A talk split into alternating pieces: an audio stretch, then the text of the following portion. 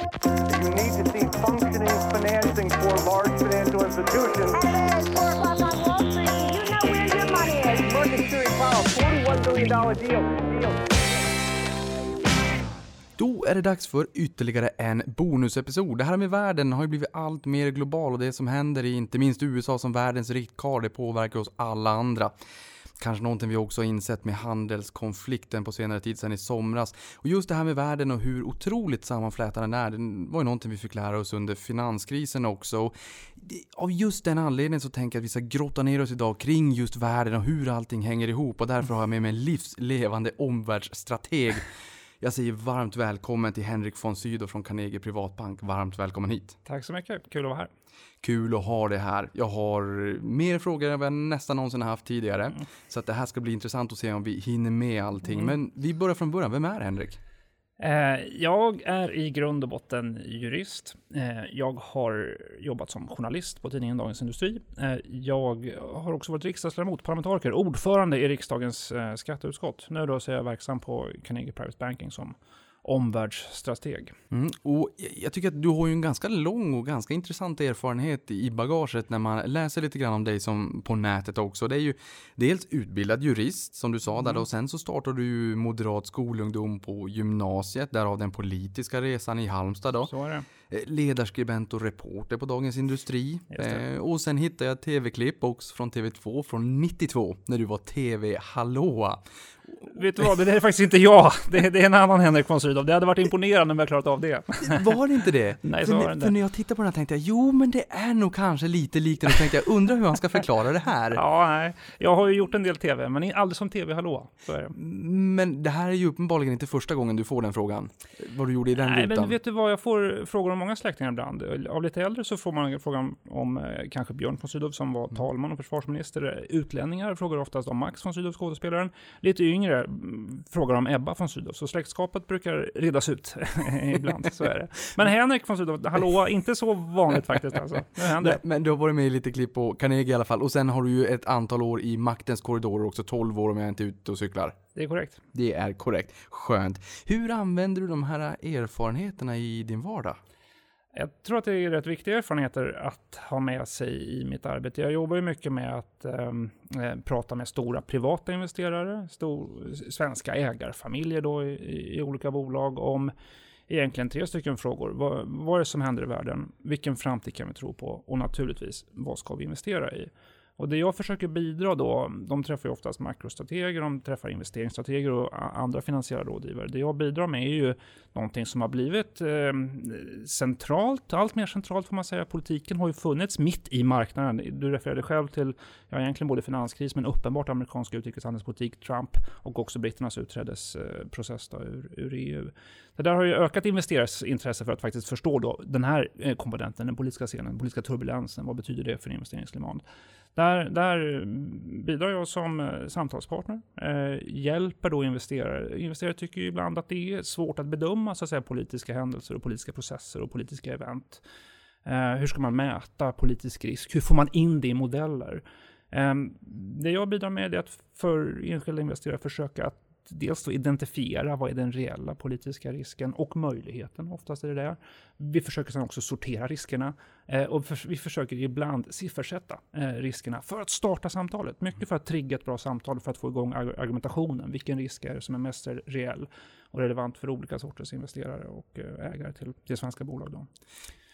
Så det, där, det, det är som sagt, eh, jag upplever att det finns en eh, växande efterfrågan utifrån flera händelser, inte minst amerikanska presidentvalet, men också britternas utträde ur, ur, ur EU, folkomröstningen för tre år sedan. Det så, Ja, och det där är ju någonting som vi kommer komma in på lite grann. Jag kommer ihåg Jag den det. midsommaren 2016. Ja, då skakade det faktiskt. Det skakade till Ja. ordentligt. Vi hade ju stängt på fredagen också, så vi fick ju en dubbelnedgång på måndagen. Vi såg ju hur vissa, eh, exempelvis banker handlades ner i Danmark. Mm. Eh, Så kunde man ju, och även de brittiska bankerna, då kunde man ju få en föraning vad som väntade i Sverige där på måndagen. Det. Eh, Men det här är ju väldigt intressant och väldigt brett och jag tänker mig att mycket av din tidigare erfarenhet, nu då inte som TV-hallå har vi ju en gång för alla nu utrett att det, där, där är det ju inte, men just maktens korridorer och sådär. Eh, Men, men till vardags då, alltså grottar du ner dig i, i alla möjliga publikationer och siffror som dyker ut för att sen kunna dela med dig av det här i er en egen podd och på event och Ja, nej, men ett viktigt verktyg verktyg i mitt arbete det är det man kan kalla då för ett omvärldskalendarium. Så pass enkelt blir det. En del kallar det för eventradar. Ja. Alltså du, i klartext så listar du eh, datum. Eh, du listar eh, processer. Eh, och så att säga, tillfällen där som kan få marknaden att skaka, om man vill uttrycka det lite dramatiserat.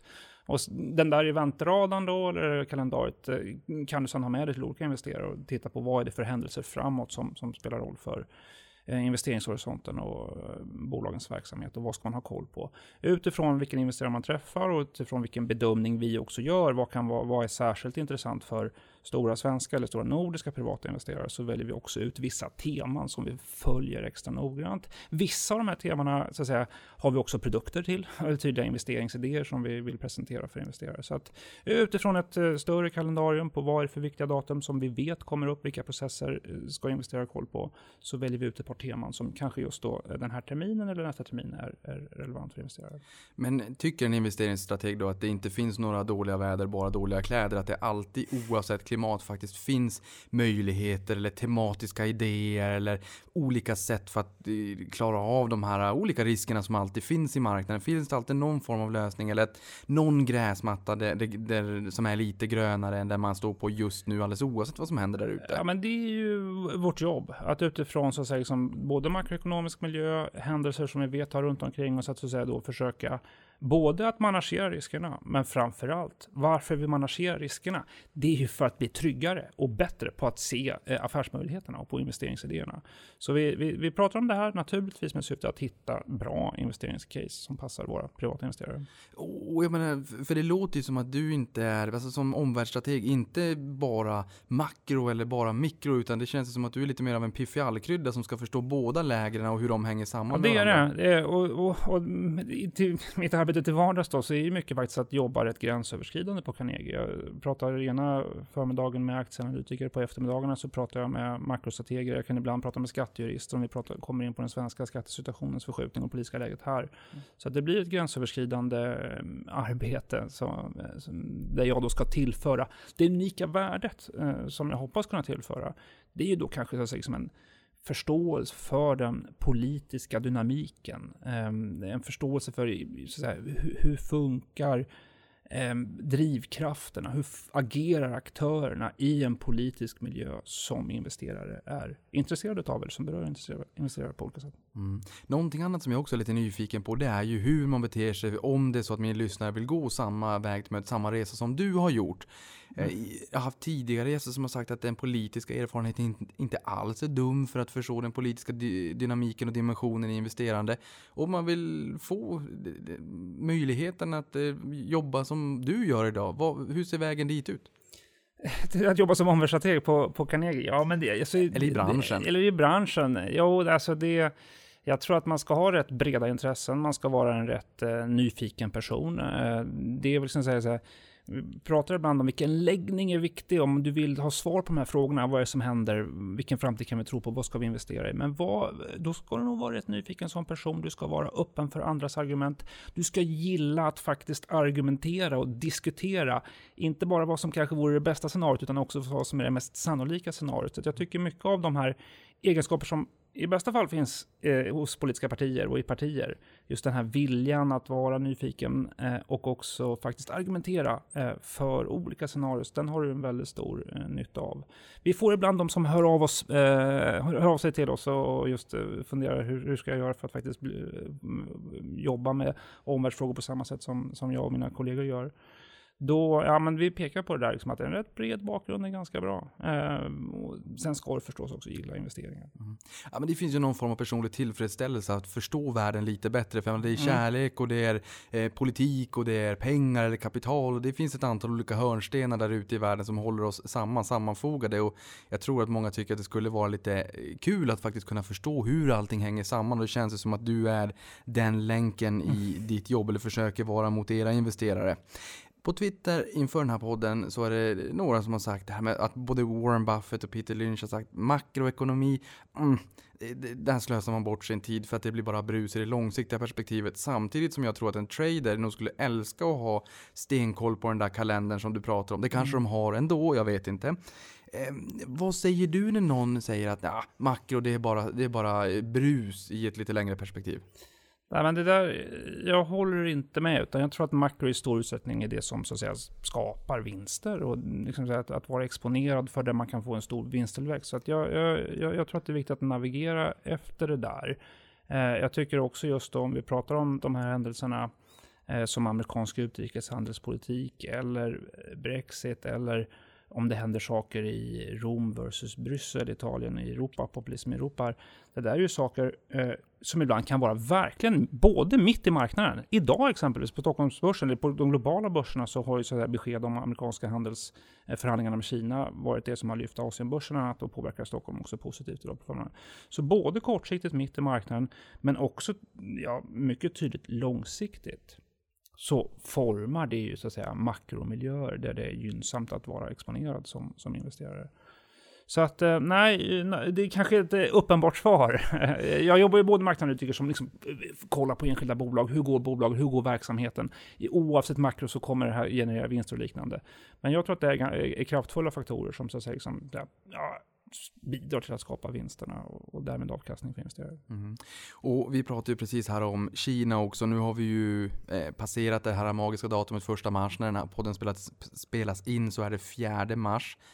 Vilket då innebär att ja, den initiala deadlinen har ju faktiskt passerat. Så man har ju inte höjt tarifferna mot eh, Kina utan man har ju förlängt det här. Och nu pratar ju marknaden också om ett, eh, ett eh, avtal den 27 mars, eller möjligheten till ett avtal då. Hur ser du på handelskonflikten och hur har den bilden förändrats? Jag menar, vi har ju pratat om det här egentligen sedan i början på sommaren i fjol. Ja, och, det, och just det här det är ju också kanske, en av, kanske den enskilt viktigaste eh, frågeställningen för en, eh, för en nordisk investerare. Om det är någon omvärldsfråga som är viktig så är det förstås liksom, vad händer med eh, USAs utrikeshandelspolitik? Eh, hur kommer den att utvecklas? Kanske då i ett läge där vi har eh, fallande global makro, lite fallande ekonomi också i USA, eller viss avmattning i varje fall där. Eh, och också att då eh, USA och inte minst presidenten går mot ett kongressval. Det är ju två år dit ska sägas, men det är uppenbart att Washington och USA ändå är i ett så att säga, liksom där valrörelseläge. Så att den där, det, det är väl den enskilt så att säga, största risken för eh, en privat, stor privat nordisk investerare. Vart, vart tar amerikansk utrikeshandelspolitik vägen? Så att, ehm, och det har vi levt med under, under en ganska lång tid. Um, det, det, är väldigt besvärligt. Ska man försöka analysera den här? Ja, det är uppenbart så att Eh, Trumps utrikeshandelspolitik för det första är väldigt dealmaking-inriktad. Den är transaktionell så att säga. Han vill göra transaktioner, han vill göra också då så att säga, det som kallas för eh, överenskommelser med enskilda länder. Den är alltså inte multilateral, den går inte via internationella institutioner. Det är också uppenbart att Trump är beredd att ta mycket risk. Han tar mycket risk med de så att säga, Ehm, förhandlingar som han inleder. Dessutom har han ju då det här uppträdandet, att han är lätt aggressiv i sin stil och han är ganska oförutsägbar. Och det här är då så som en förhandlingsstrategi för att försöka åstadkomma ett önskvärt resultat. Um, som sagt, jag tycker att det finns väldigt mycket risker i det här. Det är väldigt starka krafter som, som eh, Trump spelar med i det här naturligtvis. Eh, på kort sikt, eh, ja det är möjligt att man kan sätta ett eh, handelsavtal med Kina som eh, ur så att säga, som en optisk karaktär, optiken ja. på det, eh, är en, en, framgång, kanske kan beskrivas, försöker beskrivas som en framgång för båda av dem och som då tillfälligt kan få bort en oro över nya tariffer mellan USA och, och Kina. På lång sikt eh, har ju Trumps agerande mot Kina verkligen lyft frågan om USA-Kina-relationen till så att säga en ja, mer långsiktig strategisk rivalitet, en så att säga geoekonomisk konflikt som jag tror att, så att säga, investerare kommer få leva med, även om det inte är uppenbart och kanske då blir tariff, tariffer eh, under ja, eh, kvartal två eller liknande. Men långsiktigt framåt, strategisk rivalitet mellan USA och Kina. Det kommer handla om då som ju har verkligen blivit årets ord kanske, geo, jag nämnde redan uttrycket geoekonomi, också uttrycket geoteknologi. Uppenbart goes without saying, det räcker med att läsa tidningen där. Mm. Men där har vi säkert konflikter som kommer fortsätta. Om så att säga, liksom så här, vilka investeringar ska få göras? Ska politiker vara med och sätta kriterier för de här eh, investeringarna? Ska de godkännas? Vilken teknologi ska du välja? Eh, så det blir så att säga, en mycket bredare konflikt mellan USA och Kina än bara tariffer. Så på kort sikt, ja det är möjligt. Eh, vi är inte där än ska sägas. Jag tror att vi kommer ha det här kommer driva marknaden fortsatt under mars, vad ska jag säga, förhoppningar om en överenskommelse eller liksom rubriker om, ett, om misslyckande. Men det är möjligt att vi kan landa på ett avtal som är, jag skulle beskriva det som då, det ser ut att vara då lite optisk karaktär, inte så strukturell, eh, men räkna med att den här rivaliteten kommer att kvarstå. Um, riktigt viktigt för då eh, en, en nordisk privatinvesterare, eller svensk privatinvesterare, det är ju då viktigt möte nu i Bryssel på onsdag. Cecilia Malmström träffar en av de höga Leipziger, en av de höga amerikanska handelsrepresentanterna för att då diskutera så att säga, handelsrelationerna mellan Europa och USA. Um, det är fortfarande så att biltullar där uh, finns som en fråga som är, är, är, är, mycket skarp just nu. Alltså, I mitten på februari kom en utredning till Trumps knä som pekar på att, han, att det går att argumentera för att biltullar mot Europa ska införas av säkerhetspolitiska motiv. Nu har Trump 90 dagar på sig att faktiskt svara på det där. Det går inte att utesluta ett scenario att om det blir peacekeeping med Kina så kan man flytta konflikten eh, till att ha eh, eh, tullar mot Europa då i större utsträckning för att skydda inhemsk amerikansk bilindustri. Det är möjligt att Trump ser det som så att säga en bättre Eh, politisk upprampning inför, eh, inför just då, eh, ja, på lång sikt då, amerikanska eh, presidentvalet. Jag tycker det ligger mycket långt fram i tid ska sägas. Men det är fortfarande så, uppenbart. Och det är alla rapporter från Washington pekar på det där. Att det är kampanjläge. Det är valrörelseläge i Washington. Det är inte så att säga lagstiftningsläge. Att man gör stora reformer eller liknande, utan det är faktiskt så att säga liksom ja, återvalsläge, presidentvalsläge för detta. Men det här är lite intressant också, för jag menar i Europa, vår motor är ju Tyskland, Tyskland är ju ja. en bilnation. Ja. Och om det är så att man då inför tariffer mot Europa så blir det ju jobbigt för Europa i och med att det blir jobbigt för Tyskland. Oh ja. Men samtidigt så tänker jag också att eh, finns det en risk att man eh, flyttar produktion in till USA, då kanske han får lite grann som han, som han vill. Jag menar, omvänt så ser vi Harley, Harley Davidson flyttade produktionen från, ja. eh, det var väl från USA, va, in till Europa och vilket rev upp väldigt heta känslor hos Trump och tyckte att de eh, inte alls var, betedde sig amerikanskt. Va, ja. vad, kan, vad kan det få för effekter om det är så att vi får de här tarifferna? Ja, då kommer ju EU svara. EU kommer vidta svarsåtgärder på det där. Eh, och, och, återigen så är ju risken att man kommer in i en sån här negativ handelsspiral där åtgärd leder till motåtgärd och så är du i en spiral som trappas upp som är kanske ett worst case scenario eh, för kvartal ett egentligen. Att vi landar där, att vi kommer ut där. Eh, utifrån då Washingtons utrikeshandelspolitik. Eh, eh, det problematiska med det här är att säga, man kan ju peka på att det kanske blir en negativ handelsspiral, men det är väldigt svårt och det är väldigt godtyckligt att, så att säga, bedöma vilka geografier som kommer drabbas, vilka sektorer som kommer drabbas, vilka enskilda produkter är som kommer att drabbas. Så att det där är ju väldigt svårt att bedöma. Det blir oftast när man pratar om de här frågorna så blir det just lite att man pekar på worst case scenario. Ibland är jag själv duktig på att göra det här. Mm. Eh, man kan också säga så att det som just nu sker då, eh, det går ju att vara mycket hoppfull också eh, om både samtalen med USA och Kina, kanske också USA och Europa. Att Trump just på grund av att ekonomin är något avtagande nytt penningpolitiskt läge att navigera i för Trump också, ska vi veta, han är mycket aktiv på den frågan. Ehm, plus att man har just att han är rädd för att motåtgärder som slår mot egen inhemsk amerikansk industri. Ja, vill han tona ner det här, ja då skulle vi ju komma ur Q1 och kan lägga oss en del av så att säga, riskerna för, för, för handelskonflikt både mellan USA och Kina och möjligen också mellan USA och Europa bakom oss. Det tror jag skulle vara väldigt viktigt eh, för sentimentet framåt. Ja, för, för och för framtidstron och för investeringar i, i bolagen. Ja, för jag tänker så här att det, det, om man då såklart vill bli omvald, vilket han då självfallet utgår ifrån vill, Eh, om man inte har fått nog av de här åren. Eh, vill, tror att han kommer lägga upp det som att han får färdigt alla avtal och titta vad jag har gjort? Eller kan det vara så att man river upp riktiga konflikter och säger jag är den enda som kan lösa det här? Nej, jag tror mindre... Nu, nu ska man vara... Det är bara viss- spekulation. Ja, precis. Och, det, och det, det, vi vet ju en del om Trump, så att säga. Så här. Han är ju generellt sett... Eh, han, han är ju en mycket bättre dealbreaker än dealmaker. Alltså han backar ut ur avtal, han river upp eh, snarare än att eh, så att säga, få nya saker och ting på plats. Så att eh, det, det som jag tycker är intressant att titta på och, och som är en möjligt scenario för Trump i det här läget, just som vi har beskrivit med både ekonomin på väg ner, val på väg fram, eh, och att han har haft så mycket negativ Alltså, han kan vilja förflytta fokus från ekonomiska frågor. Snarare där att i vad gäller när det kommer till den ekonomiska utvecklingen, framförallt i USA men också globalt, så om den är på väg ner eh, och räntorna är på väg upp, möjligen då efter en paus från, från Fed, peka ut en scapegoat. Skyll på Fed, som har varit en återkommande agerande nu under hösten och också fortsatt efter, eh, efter årsskiftet här. Eller skyll på Demokraterna och försök sen flytta fokus till en annan fråga eh, som han gärna pratar om när han möter sin bas, när han har sina rallies runt om, i, om det är Florida och Texas. Och då pratar han ju faktiskt mest migration. Och, och säga det- it's not the economy stupid, utan snarare liksom att det är migrationsfrågan, det är säkerhetsfrågor och peka på det där han tycker att han är, ja, vill ha samtalet och vill ha konversationen och eh, har högre förtroende än andra i detta. Så att det där, jag tycker det, det är för tidigt att ha en klar bedömning av hur kommer Trump agera i det här ekonomiska läget med sin politik. Men det är inte omöjligt att han så att säga, vill styra emot migration. Skulle han vilja så att säga, få- in utrikesdimensionen i det här? Ja, eh, en lågt hängande frukt om han vill så att säga, säga vända bok, byta kapitel, gå vidare. Ja, då är det ju så att säga den bredare eh, utrikespolitiken som inte är utrikeshandelspolitik. Och det kan ju vara då ja, mer geopolitiska spänningar av så att säga säkerhetskaraktär. Eh, det var ju nyss ett möte med Nordkorea exempelvis. Ja, Nordkorea när man backar det är en ur- lågt hängande frukt för en avledande manöver, utrikespolitiken för Trump. Det, Hur, hur, påverkar det här oss? Jag menar, nu, nu backar man ur det här. Kärnvapenkrig är inget bra för börsen.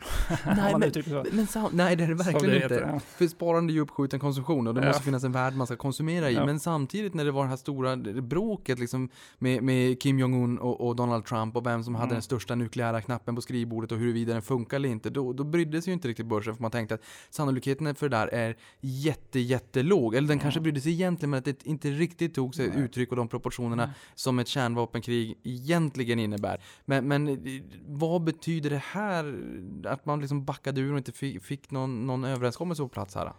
Ja, det, det, man brukar ju säga så här att geopolitiken spelar roll för börsen när det dels får konsekvenser för handelsströmningar, dels när det får konsekvenser för energi, eh, energiförsörjning och dels när det så att säga, liksom allmänt höjer riskläget eh, i bemärkelsen då eh, ja, hot om en väpnad konflikt så att säga. Eh, inget av det där är vi ju nära eh, vad gäller Nordkorea. Vi hade ju, Nordkorea-frågan var ju stor under 20, också under 2017. Eh, jag tyckte att marknaden lärde sig leva eh, med detta. Man normaliserade eh, så att säga både retoriken och uttrycken. Ehm, så att ehm, det ska nog till att man kommer riktigt nära eh, något av de här, eh, alltså hot om väpnad konflikt på riktigt, att det slår mot energiförsörjning eller att det slår mot internationell handel. Då eh, vaknar marknaden. Vi är inte riktigt nära det där än. Det som ju marknaden har reagerat på då vad gäller just geopolitiken, det är ju Indien-Pakistan. Ehm, Eh, I viss mån, inte övertydligt, men asiatiska börser reagerar på det förra veckan. Någonting jag också är lite nyfiken på, för jag menar, du har ju eh, verkat i branschen länge eh, och, och, och eh, vi har pratat om Trump en stund nu här och jag menar, backar vi tillbaka till när Trump blev vald så vissa av oss nattsuddade den 8 november 2016, några månader efter Brexit. Mm. Vissa av oss vaknade upp den 9 november där och insåg att han vart vald. Eh, 17 gånger högre omsättning än normalt på amerikanska terminer. Man sa att vi måste liksom, vi, får stänga terminerna så automatspärrar, det går inte. Eh, och sen öppnade svenska börsen 3,6% ner ungefär. Stängde 1,2% upp. Sen vart det eh, liksom Trump-rally och sen det där. Han har ju mätt sin framgång i börsutvecklingen. När det har gått lite sämre så har han varit lite tystare. Vad eh, har varit den största egentligen väckarklockan från det att han blev vald tills nu? Vad, vad, vad, har, vad är din liksom mest intressanta reflektion där du varit kanske överraskad eller liksom från egentligen att han blev president till, till idag. Hur har din bild av honom förändrats? Men jag, jag, jag tycker att det är en väldig skillnad eh, om du kan se, jag vet inte riktigt från när han blev vald, men om man bara ser på för ett år sedan eh, så fanns det ju, ty, tycker jag, bland investerarkollektivet får du säga, en väldig optimism kring Trump. Kopplat då till skattereformen, eh, skattesänkningarna som bidrog till att få, få bra fart i amerikanska börser som höll upp också eh, det globala läget.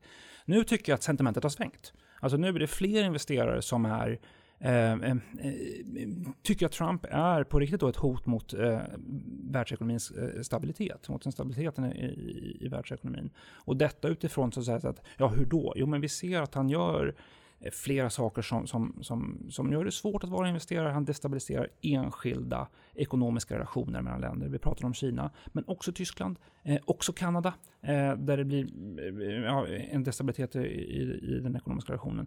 Det andra är att han destabiliserar sina egna inhemska och också internationella organisationer och institutioner. Eh, som Fed, som vi var inne på, att det skapar en osäkerhet om Feds självständighet. Får han skälla sådär? Alltså det, återigen, marknaden har vant sig vid det. alltså hade det, varit, hade, hade det börjat med någon som gjorde det så skulle det liksom vara ett ramaskri. Eh, och man skulle misstänka att bli Fed nu mer ännu då kanske aggressiv eller högaktig i, i sin penningpolitik. Nu har man normaliserat det på ett sätt som är... Men, men får man ett frågetecken om Feds självständighet, det blir ju ännu svårare att bedöma amerikansk eh, penningpolitik eh, och vilka motiv de har för sina beslut. Så det skulle också bidra till att skapa en osäkerhet. Men sen så som jag sa, eh, han är bättre på att backa ur avtal, bättre dealbreaker än dealmaker. Ja. Och det där bidrar till så att säga en osäkerhet och det gillar inte investerare just inte nu. Så jag tycker det är ett omslag i synen på honom. Från, du beskrev ett omslag i synen på honom bara under en handelsdag. där. ja. Men, men, men med, med, lite mer tidsperspektiv på det så tycker jag att investerarkollektivet är, är, är mer skeptiska mot eh, Trump nu än vad de var för ett år sedan. Då han var väldigt eh, Eh, det, det, han födde faktiskt en, en viss optimism, inte minst i USA men också utländskt för inte minst då skattereformen. Äh, marknaden hatar ju osäkerhet. Jag tänker på ja. handelskonflikten, om det skulle bli värre. I samband med depressionen på 30-talet så eh, införde ju USA då höjda importtariffer upp mot 50% la man dem där. Nu mm. har vi ju passerat första mars då och vi har ju skjutit upp dem.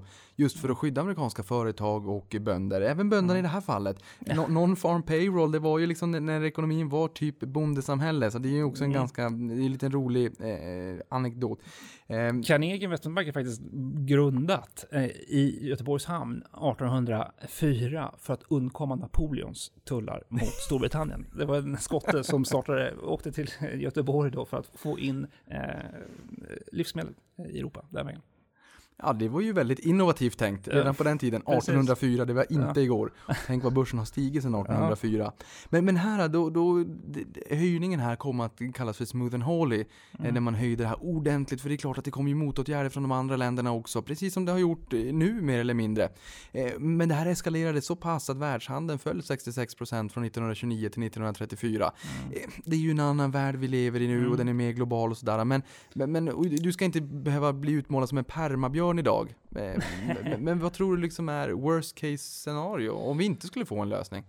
på handelsfrågan, om vi får mer mm. handelsfriktion mm. så att säga. Så, nej, men dels, det, det, jag tycker att vi, det, det, är inte så att uh, vi får negativ tillväxt i världshandeln, men däremot så tappar världshandeln fart. Uh, vi har ju också ett annat samtal nu, så att säga, som vi pratar inte om globalisering längre, vi pratar om kanske slobalisering. Mm. Att globaliseringen går fram mycket långsammare, den går till och med regressivt, den går bakåt på en del områden, på andra så går den framåt.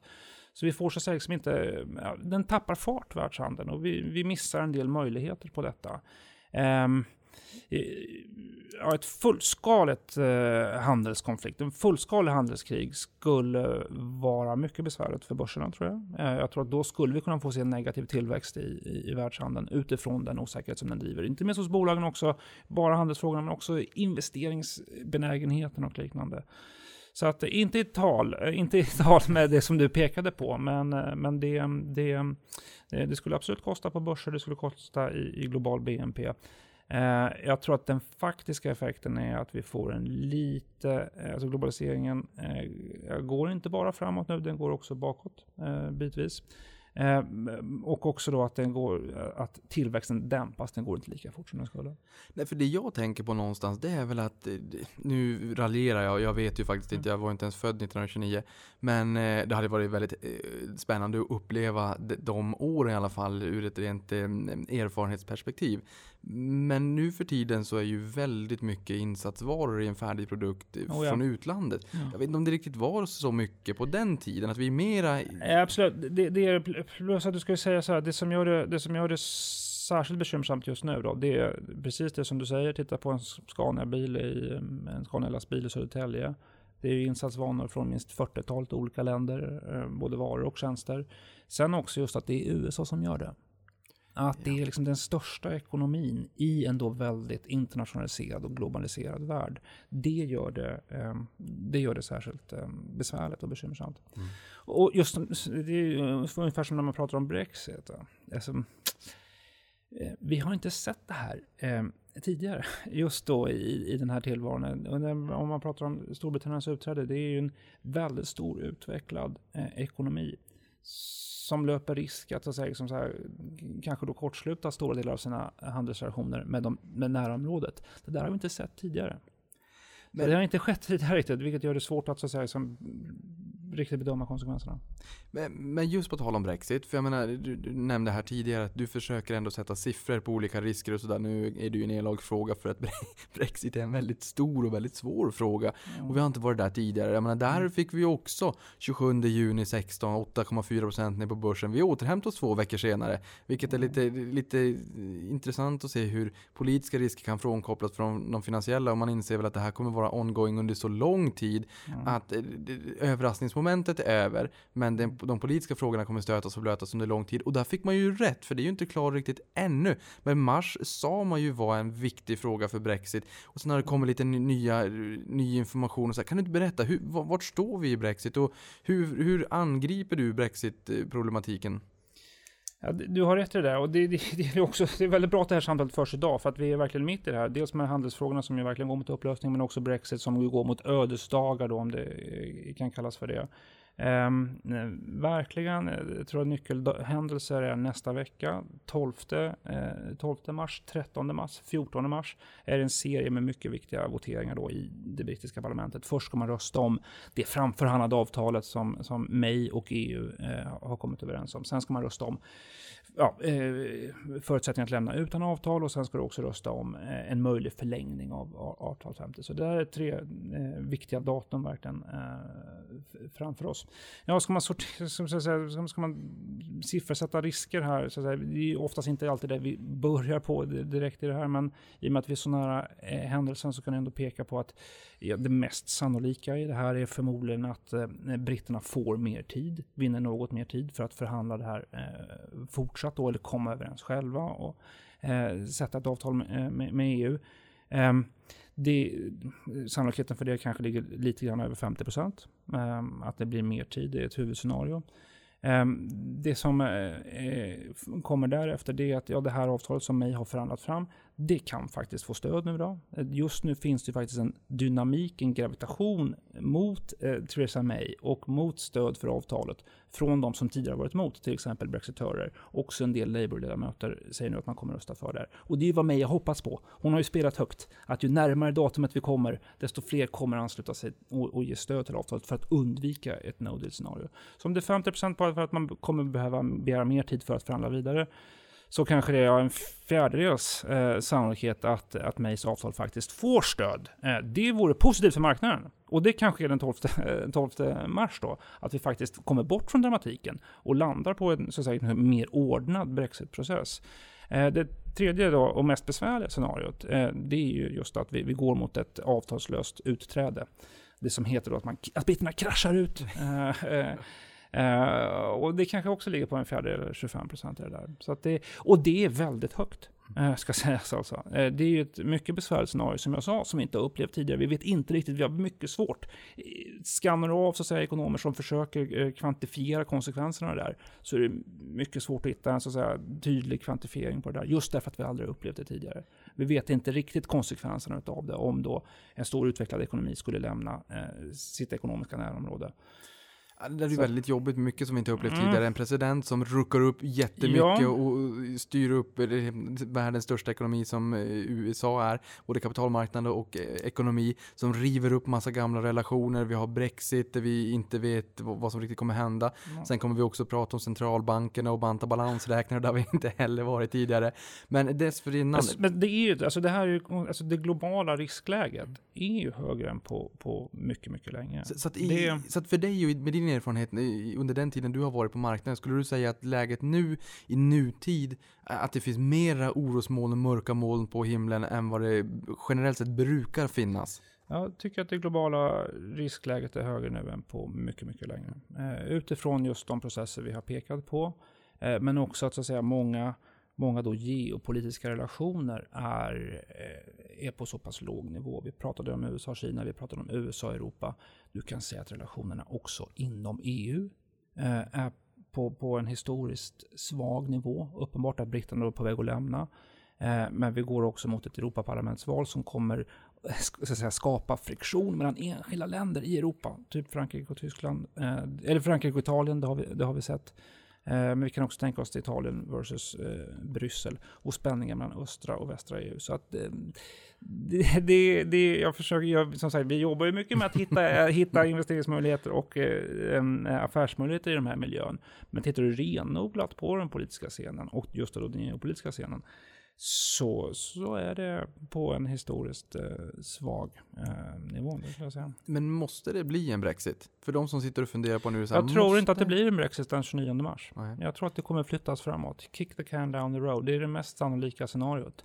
Eh, att Brexit blir av? Ja, det- skulle jag utgå från. Men inte just det datumet. Det, utan det, det skjuts nog ytterligare framåt något i detta. Men det är som sagt, jag vet att det där, vi träffar då och då investerare som så att säga har föreställningen att det är, eh, är, är för stort, för komplext, det kommer inte att hända. Man kommer backa när man väl är nära kanten. Det där tror jag är så att säga som en, en, en farlig eh, hållning, utan man ska nog utgå från att Brexit faktiskt blir av. Ehm, men så kan det ske ordna, ordna, i en ordnad process, eller så kan det ske mer kaotiskt. Det behöver ju inte ske den 29 mars, det man pratade om tidigare, för det är min födelsedag, så då får man vänta Ja, lite grann. För din skull kan man. Men, men ungdomarna, alltså jag, man, man, det fanns ju sådana här studier tidigare, eller, eller studier var det väl inte, men snarare infografik som visade på att ungdomarna gärna ville stanna men att de äldre gärna ville lämna. Hur, hur kan det liksom påverka och riva upp känslor? Jag menar, ju längre vi väntar, desto mer av de här ungdomarna befinner sig mitt i livet. Fin- man, hör- man hör det här argumentet då och då att i, i takt med att demokratin förändras så kommer så att säga, stödet för EU att öka i, i Storbritannien och det gör att så att säga, liksom, skulle du ha en folkomröstning nu, en andra folkomröstning nu, så är det sannolikt att eh, bara med den demografiska förändring som har skett att det skulle vara fler som stannade, röstade för att stanna då så att säga. Sådär. Um, och det drivs också kampanjer. Tony Blair driver kampanjer för att det ska vara en andra folkomröstning. Um, det är väldigt svårt att se att det blir en andra folkomröstning innan britterna de facto har lämnat. Alltså, så här, jag, tror, jag tror att det är svårt att få en legitimitet för detta.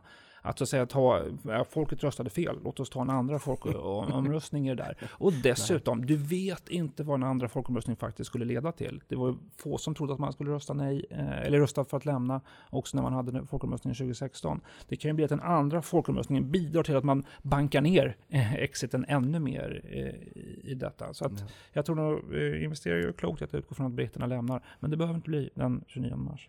Nej, bra. Och de bolagen då? Jag menar, vi har ju Ja. svenska bolag med en stor del av försäljningen, eh, omsättningen i UK. Ja. Eh, Hur, hur bedömer du riskerna för, är det, är det så här, ah, okej, risken har varit hög, men äntligen så har vi fakta på bordet när om de då lämnar så att, eh, så att riskpremien sjunker, de här bolagen, aktier kanske stiger, att det har varit en våt filt, eller hur Mm. ser du på bolag med verksamhet i UK? Jag tror att man ska eh, dels observera så att, som att även om marknaden har varit rätt lugn nu sista, sista perioden, alltså Brexit finns i, i, i de europeiska börserna. Det bidrar till att det har varit, eh, gjort det besvärligt för europeiska börser, absolut. Eh, rätt lugnt sista tiden, pundet har gått upp lite grann sista veckorna nu här. Eh, samtidigt ska man veta att bolag har kostnader eh, för Brexit. Eh, uppenbart allra tydligast i Storbritannien. Eh, att, så att säga, liksom Brexit-beredskapsplaner har kostat pengar, pengar som annars skulle ha gått till investeringar. Investeringar i brittiska bolag ligger klart under det historiska snittet, ligger klart under jämförbara länder. Det där bidrar till att, säga, till att utsikterna för Storbritannien är ju besvärliga eh, på sikt, även om man får en ordnad brexitprocess, för att man har gjort annat för resurserna och inte investerat på samma sätt.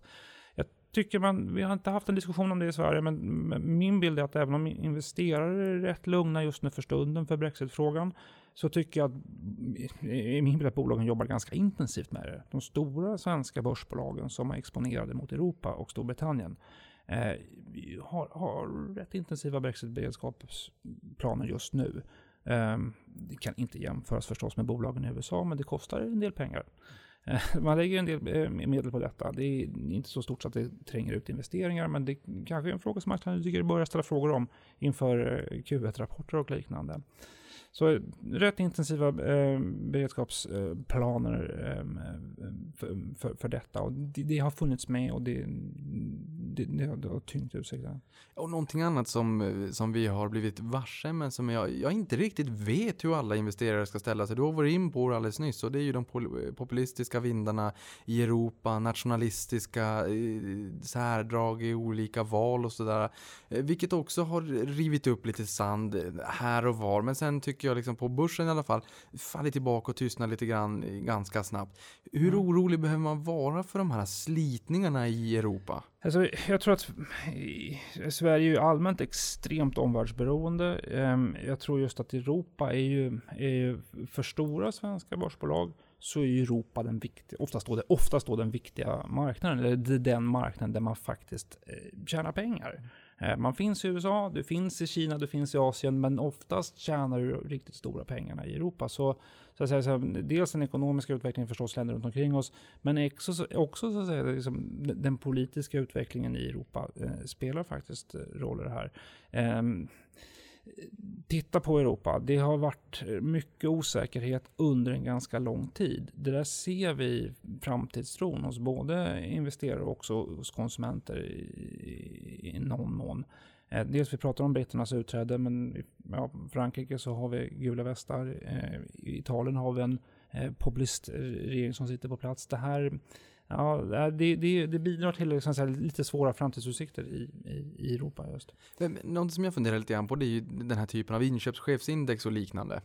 För, för där är det ju klart att om de där faller ner lite grann och sådär, men, men jag brukar ju ha den hållningen lite grann att inköpscheferna är ju inte mer än människor. Och det är ju liksom ett komplext läge just nu, det kanske man alltid kan säga, men nu har vi liksom ändå någonstans kommit till, till den fasen här i podden att vi inser att jo men det är lite, lite mera mörka moln än vad det kanske annars brukar vara. Eh, Kan inte det här påverka att man, eh, ja dels om man då har mycket kostnader självfallet för Brexit etc, att man lägger lite pengar på det och sådär, men kan inte det här eh, påverka att man skjuter på investeringar, att man, att man säger att man är lite mer negativ än man kanske är och man håller på hanen lite grann och sådär. Mer än vad man annars gjorde givet ekonomin precis just nu. Att osäkerheten och den våta filten påverkar utfallen i, i diverse eh, index eller, eller är det precis så eh, negativt som, som vad det ser ut när de kommer? Nej, men det är, ehm, så, så är det väl liksom så att det är klart att den, så här, den upplevda situationen, eh, rubrikrisker om man uttrycker så, eh,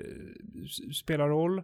Eh, jag, jag tycker det har varit, så här, ty, makrodata har varit, har varit rätt tydlig på så att liksom återspegla eh, de risker som, som eh, man har sett på den politiska scenen, att det här nu verkligen eh, ger ett avtryck och genomslag där. Alltså. Mm. Om vi då blickar på Sverige. Eh, för här i Sverige har vi ju våra egna utmaningar. Nu har vi ju fått en regering. Det, to- det tog ett, ett tag, men vi fick den ju i alla fall. Eh, hur kommer den här regeringen påverka förutsättningarna för oss sparare och för börsbolagen? Nu kommer din långa erfarenhet i maktens korridorer väl till pass. Mm. Ehm, ja, det, det är ett mycket spännande politiskt läge får man ju säga eh, i Sverige. Det var väl bra att vi fick en regering eh, för det första. Eh, jag tror att den här på temat just osäkerhet, jag tror att det faktum att vi inte hade en regering på plats påverkade affärsklimatet brett, även om det inte syntes i börserna. Jag tror att det påverkade börsintroduktioner, där man väntade och ville ha en klarhet om, om just detta. Jag, man, man kan se både risker och möjligheter eh, för sparare då. Och om bra, och, nu, och nu, nu, nu har du liksom nu riktigt ett stort leende också, det gillar vi. Ja. Inte bara risk. Nej, utan det, är- alltså, så här, jag, jag, det, det är en överenskommelse då som kallas för januariavtalet eller fyrpartiöverenskommelsen eller 73-punktsöverenskommelsen, vad man nu kallar det för. Och den där innehåller ja, en, del, eh, en, en del möjligheter tycker jag verkligen detta. Inte minst, så att säga, det är alltid, det, är- det man får pröva i de här förslagen när man läser de här listorna, det är ju vilken grad av genomförbarhet finns det i de olika förslagen.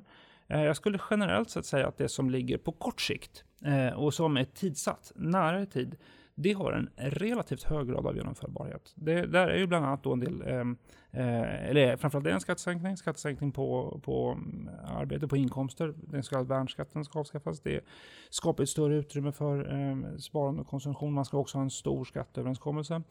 Ehm, eh, en stor skatteöversyn. Det, det kan från ett investeringsklimat vara visst problematiskt. Ehm, det där kan ju bli så liksom en plattform eller en process för att eh, spela olika förslag om, ehm, om, om just då justerade kapitalskatter. Jag, man kan ju ana att dynamiken är så här att om du tar bort värnskatten till att börja med, om du rycker den tidigt, ja då kommer det bli en efterfrågan på eh, kompensatoriska åtgärder.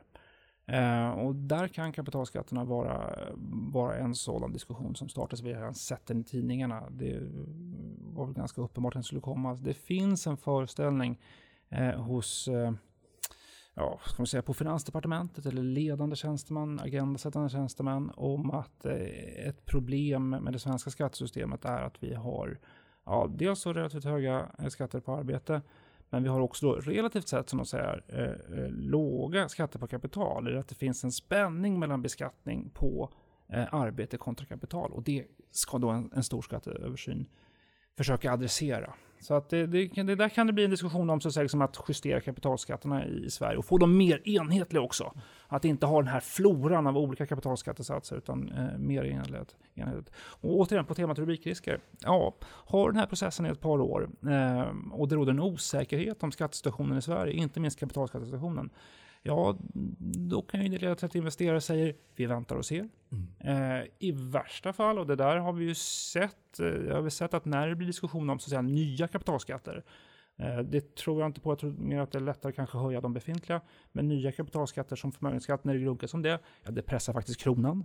Eh, på marginalen, men ändå, det bidrar till att mindre kapital allokeras i Sverige. Så att, jag, jag, jag vill söka det som är positivt och, och, och, bra här. Eh, och det att ja, det finns, det finns momentum att göra en del saker på kort sikt. På lång sikt så eh, kan det dels vara svårt att faktiskt komma överens om stora strukturreformer. Det är det alltid. Det är mm. lättare i början när man startar dem, tillsätter dem. När de ska konkretiseras, när det blir skarpt läge, då kommer motståndet också. Um, så att, eh, ja, ehm, allt i detta avtalet som är på kort sikt, ja, det kan man ha en viss förhoppning om på lång sikt. Svårare. Mm. Och kommer skapa, eh, finns en del risker för eh, just rubrikrisker och för att men, men jag mm. tänker på här också, jag menar Jonas Sjöstedt, Vänsterpartiet, han vill ju förstatliga bolag, sa han i tv, han vill gärna förstatliga H&M var ett exempel där man exemplifierade då. Ehm, det fick ju mig och säkert många andra att klia sig lite grann, men, men, men, samtidigt så vet man ju, det, det är ju det de då så att säga står för. Men, mm. men ehm, eller ja, bland annat då. Men, men sen har vi ju med Åkesson också, och vi har ju vår egen form av populistiska vind där och det var ju jättedebatt, man debatterar jättemycket. Vi ska inte ta ställning här, men min, min nyfikenhet måste ändå eh, fråga, eh, hur har det här påverkat utlänningarnas syn på svenska börsen? Har det påverkat överhuvudtaget? Det var en stor fråga under förra mandatperioden och det är ju en risk som jag tycker att vi har lämnat nu. Mm. Diskussionen om så att säga, vinstregleringar i välfärden. Det, den var ju en fråga som vi pratade mycket med investerare på Wall Street eh, och, och i London om. om så att säga, så. Den risken har ju faktiskt gått ner med det politiska läget i Sverige ska sägas. Eh, jag tycker den, så att säga, den frågan eh, som var het inför valet för utländska investerare, det var ju faktiskt då ehm, exitfrågan, eller svexitfrågan, egentligen om flankerna går fram kraftfullt. Om eh, Vänsterpartiet å ena sidan som driver krav då, eller har drivit krav på att Sverige ska lämna EU eh, e eller folkomröstning om det, tillsammans med SD, som också då eh, driver krav på, har prövat frågan, luftat frågan om en folkomröstning om EU. Om de tillsammans skulle växa, ja då hade vi fått en, en ja, möjligen en exit-diskussion. Det var faktiskt frågan eh, från utländska investerare. I övrigt var det eh, ja, eh, inte in i Vänsterpartiets program mer än så, utan det var just exitfrågan som man faktiskt tittade på, som vi fick frågor om på, på Carnegie i varje fall. Någonting annat, förut, på, vidare på, den, eh, på det politiska temat i Sverige så eh, har vi ju haft diskussioner, precis som du är in på, om vinster i välfärden, både med det har ju påverkat skola, vård, omsorg och det, när det har kommit sådana här eh, skrällar får man väl kanske säga, så har det visat jättestora fall, det har kommit oro kring olika bolag, de har fallit jättemycket och sådär. Ehm, förtjänar de här bolagen, det förtjänar egentligen fel ord, men alltså ska de ha en värderingsrabatt eh, på grund av den implicita risken, eller är den lite överdriven? Jag vet att vår bedömning där eh, tillsammans med aktieanalytikerna var ju att de här eh, rubrikeffekterna och och rubrikriskerna för, för bolagen var ju faktiskt egentligen köptillfällen. Alltså sannolikheten för att man skulle införa ett så att säga långtgående vinstreglering, den var, eh, Ehm, ja, den var låg. Ehm, så att det där gjorde att eh, de rubriker som skapades i samband med första maj och som skapades i samband med Almedalsveckan och liknande, det där var faktiskt då för en långsiktig investerare, som privatinvesterare oftast är, eh, så, så var ju det faktiskt köptillfällen eh, i detta. köptillfällen. Och, och vilka politiska risker skulle du säga är mera brus och vilka är viktiga att ändå ha lite koll på? Om man tycker att det här med politik är ändå lite spännande, så här, vad bör man ha koll på kontra vad kan man liksom se som brus? Jag tycker du ska hålla koll på eh, eh, just eh, eh skatteprocesser. Eh, det, brukar det är den verkligt substantiella, verkligt tunga lagstiftningen. Eh, så hela just skatteprocessen, eller den här skatteöversynen som nu ska, som har aviserats och som ska inledas, den finns det skäl för investerare faktiskt kasta ett öga på ska sägas. Eh, jag tycker allt som så att säga har utsikter att bli till policy, alltså att bli verklig lagstiftning, där, beroende på vem man är, men där ska du faktiskt försöka hålla, hålla koll på. Politiker gillar att prata mycket. Det här blir mycket politics, det blir mycket opinionsmätningar, det blir mycket eh, så att säga då, noise kring det här och lite, ibland lite sällskapsspel. Lägg det åt sidan. Lägg, lägg så att säga politics åt sidan och fokusera på policy. Outcomes, säga, liksom, vad är resultatet av politiska processer? Vad är genomförbart? Hur prövar du så att säga förslag som svischar förbi i samhällsdebatten? Hur prövar man det utifrån genomförbarhetskriterium? Ja, det finns ett par då genomförbarhetskriterium att faktiskt testa dem mot. Är det här verkligen juridiskt förberett? Går det att faktiskt finansiera? Går det att förankra eh, ehm, i, i, i regering, regeringspartier och i, i riksdagen? Det är så att säga som kriterier att faktiskt pröva olika förslag som, som ofta flyger fram på. Fokusera på policy och vad som kommer ut ur, ur processerna snarare än just allt noise och recensioner av partiledare. Det blir kanske uppenbart, men jag tror att det är en viktig särskiljande distinktion i det där. Det låter rimligt. Jag har haft gäster också som har pratat om eh, positiv screening. Det vill säga att Mm. välja in snarare än att välja bort bolag och som kanske rider på hållbarhetstrender. Ofta så lyfter man upp Nibe, Tomra, Beijer eh, eh, Alfa Laval exempelvis. Mm. Finns det några andra trender av regulatorisk karaktär som är intressanta som någon form av investeringstema? Typ hållbarhet exempelvis som de här bolagen då rider på. Eh, vi, vi tror att hållbarhet är ett eh, absolut viktigt tema, i, inte minst i år. Eh, mycket betingat av egentligen andra skäl. Ja, delvis regulatoriska lagstiftningsskäl, men mycket beroende på att, så att säga, som stora investerare där har nu börjat så att säga, tillämpa sin egen policy, som delvis är driven av regulatoriska skäl. Den bör nu implementeras. Och det gör så att, säga, att hållbarhetstemat är Eh, extra intressant från och med i år egentligen, men också då, eh, framåt i detta. Ehm, jag ser det mer på, på eh, temat att en del risker faktiskt har gått ner då, som vi pratade om, eh, riskerna för en vinstreglering i välfärdssektorn.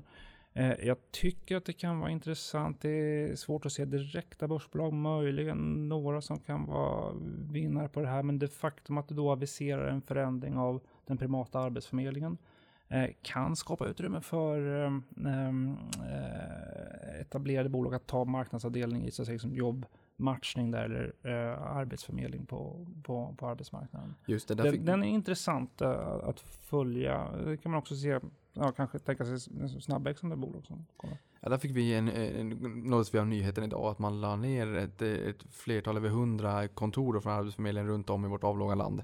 Ja, Ehm, Så det är ju som du säger, då kanske det poppar upp eh, privata alternativ. kan vara så. Jag tycker också det kan vara intressant att titta på, återigen då på reformer som kanske är mer genomförbara än andra i det här eh, eh, januariavtalet och överenskommelsen.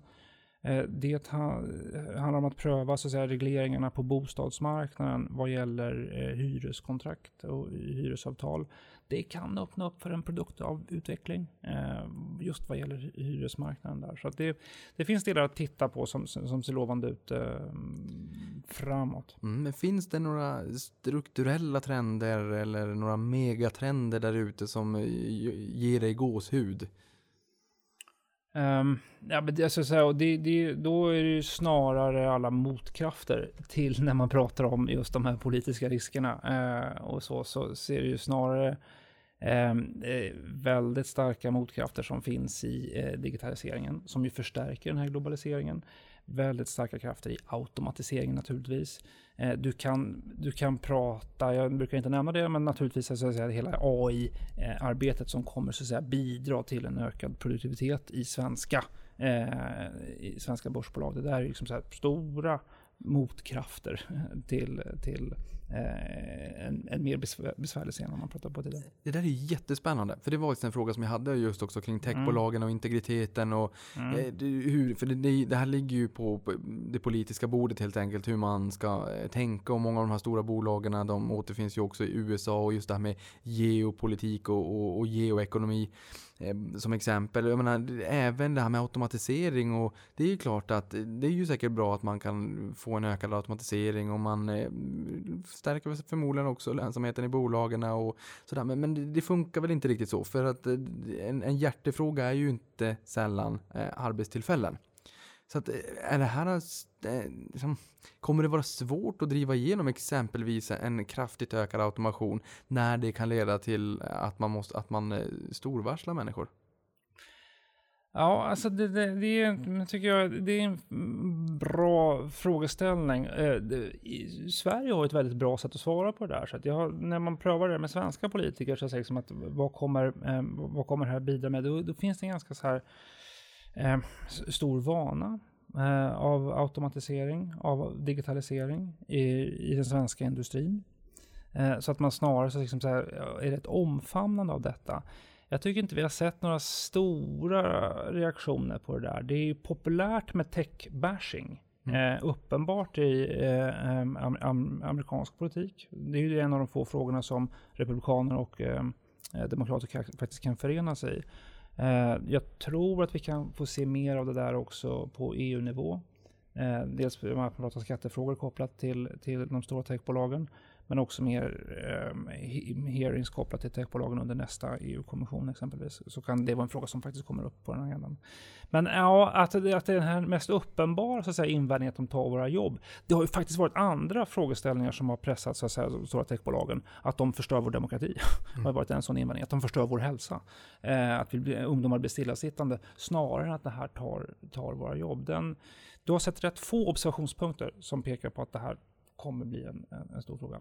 Möjligen att det kan bli det om ekonomin då samtidigt eh, viker av nedåt. Men där är vi inte riktigt än. Men eh, om vi tittar på 2019 då, hur tror du och hur tror ni, eh, om, om vi tar antingen din vy eller husvyn på Carnegie, Mm. vad tror ni om börsen?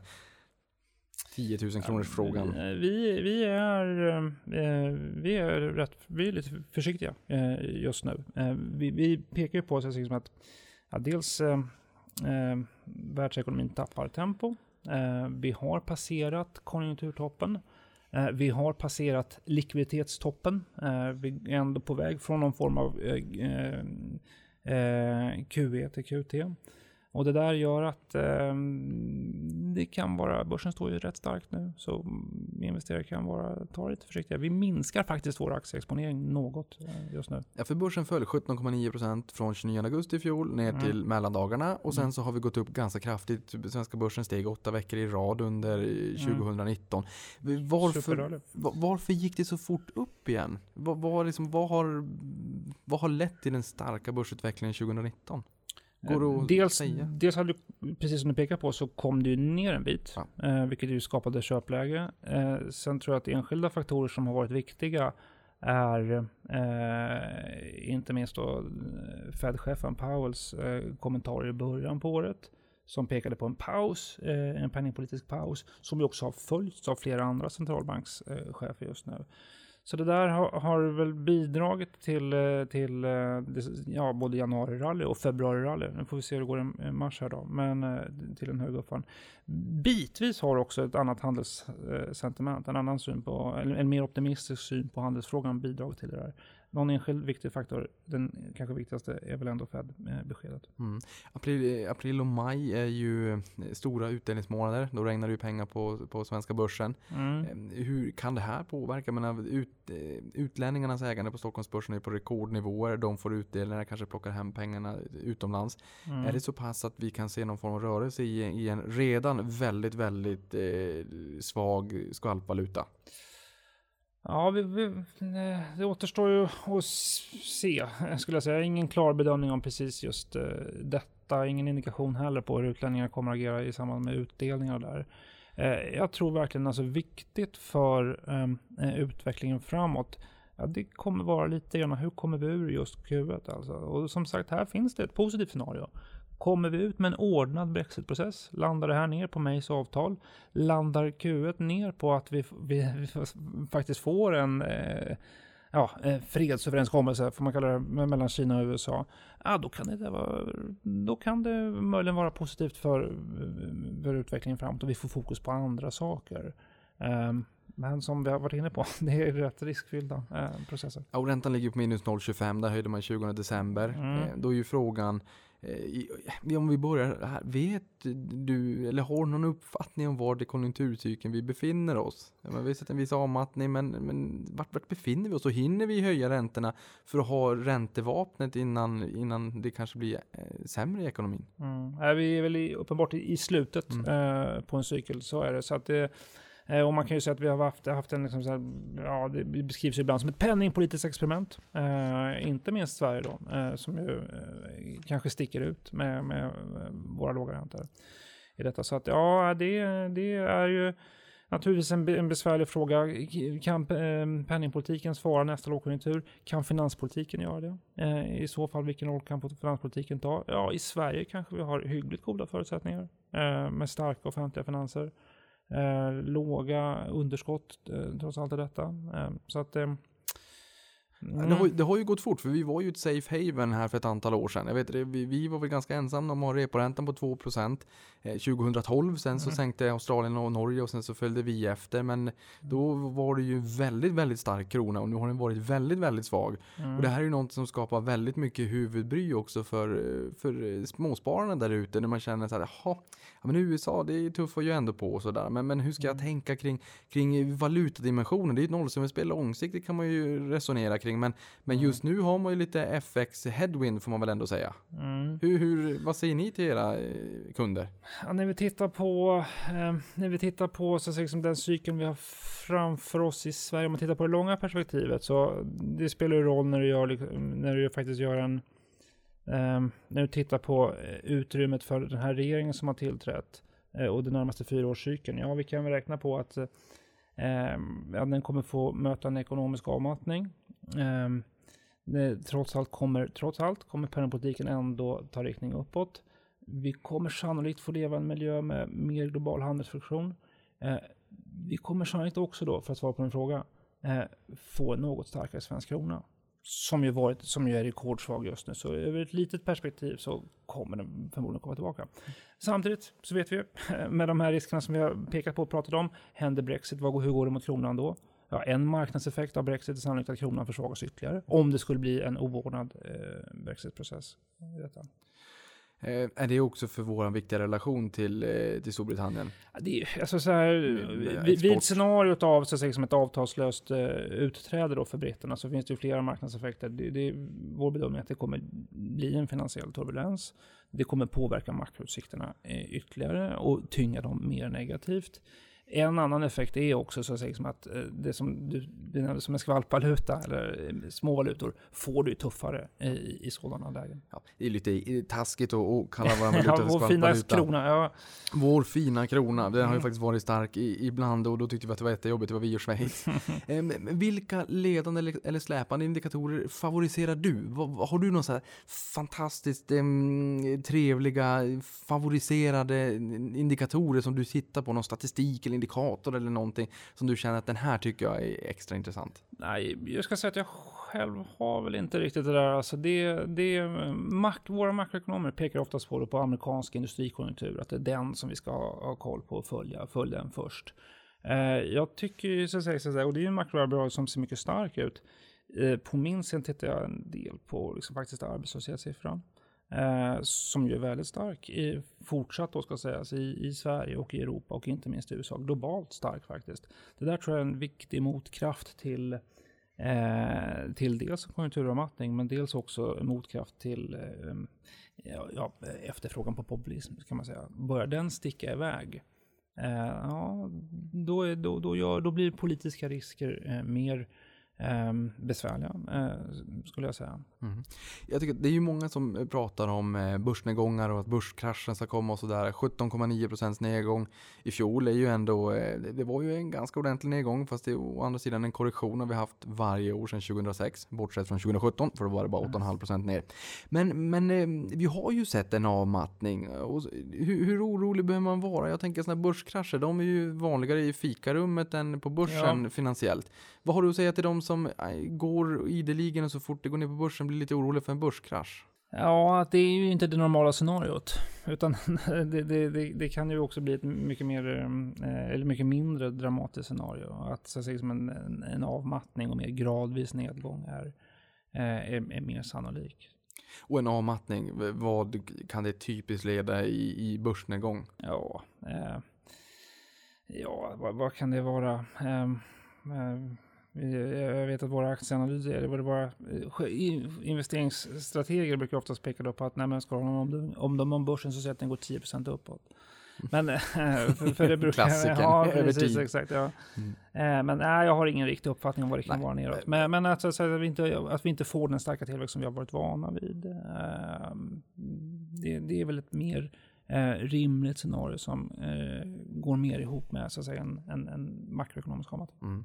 Så just en avmattning i, i ekonomin, det är lite grann som när du hoppar löpbandet och liksom tar, laddar batterierna lite grann, dricker lite vatten och så på den här intervallträningen igen. Det är inte liksom livshotande utan det är, en, det är en liten nedgång och sen så fortsätter vi uppåt igen. Eh, jag tror att, det, jag tror att det, det, det scenariot är mycket mer troligt än, än de mest dramatiska som vi ser. Mm. Hur, hur hittar du den, din inspiration? Alltså, hur håller du dig uppdaterad och hur, hur, hittar du inspirationen i vardagen till, till vad du ska förkovra dig i? Ja, den bästa uppdateringen sker ofta, så säga, så här, den bästa omvärldsuppdateringen eh, sker genom att du är aktiv i dina egna nätverk. Um, det är klart att man ska, jag älskar att läsa böcker, jag ska konsumera media. Men riktigt värdefull information, riktigt attraktiv information, den har du oftast i så att säga, ditt eget nätverk runt omkring dig. Människor som är nära de processer som vi har pratat om precis. Där kan du få riktigt värdefull information som också kan vara, så liksom så här, ja, um, jag vet inte om det kan vara, jo, ibland inspirerande. Mm. Uh, ja, men vikten av nätverk. I vår tid, absolut. Mm. Um, och just och, inte minst som vikten för att um, ha en så säga, relevant och intressant uh, just omvärldsanalys så, så, så, tror jag att det är det som är nyckeln. Mm. Men du Henrik, sista frågan. Hur sparar du själv? Du, jag sparar rätt blandat faktiskt. Alltså. Jag amorterar, eh, jag försöker ja, varje månad köpa aktier eh, och jag har fonder. Det låter som ett bra spritt sparande. Du har spridit dina graser. Visst gör det. Diversifiering. Henrik, stort tack för att du kom hit och gjorde oss lite klokare kring eh, makroekonomi, de breda penseldragen, lite mikroekonomi, de lite mindre penseldragen, mera bolagsnära, mycket den politiska dimensionen och hur man kokar ner alla dina olika erfarenheter till någon form av eh, eh helhet, en, en omvärldsstrateg helt enkelt. Stort tack. tack så mycket, hemskt kul att vara här. Money, Emergency Power, $41 billion deal. deal.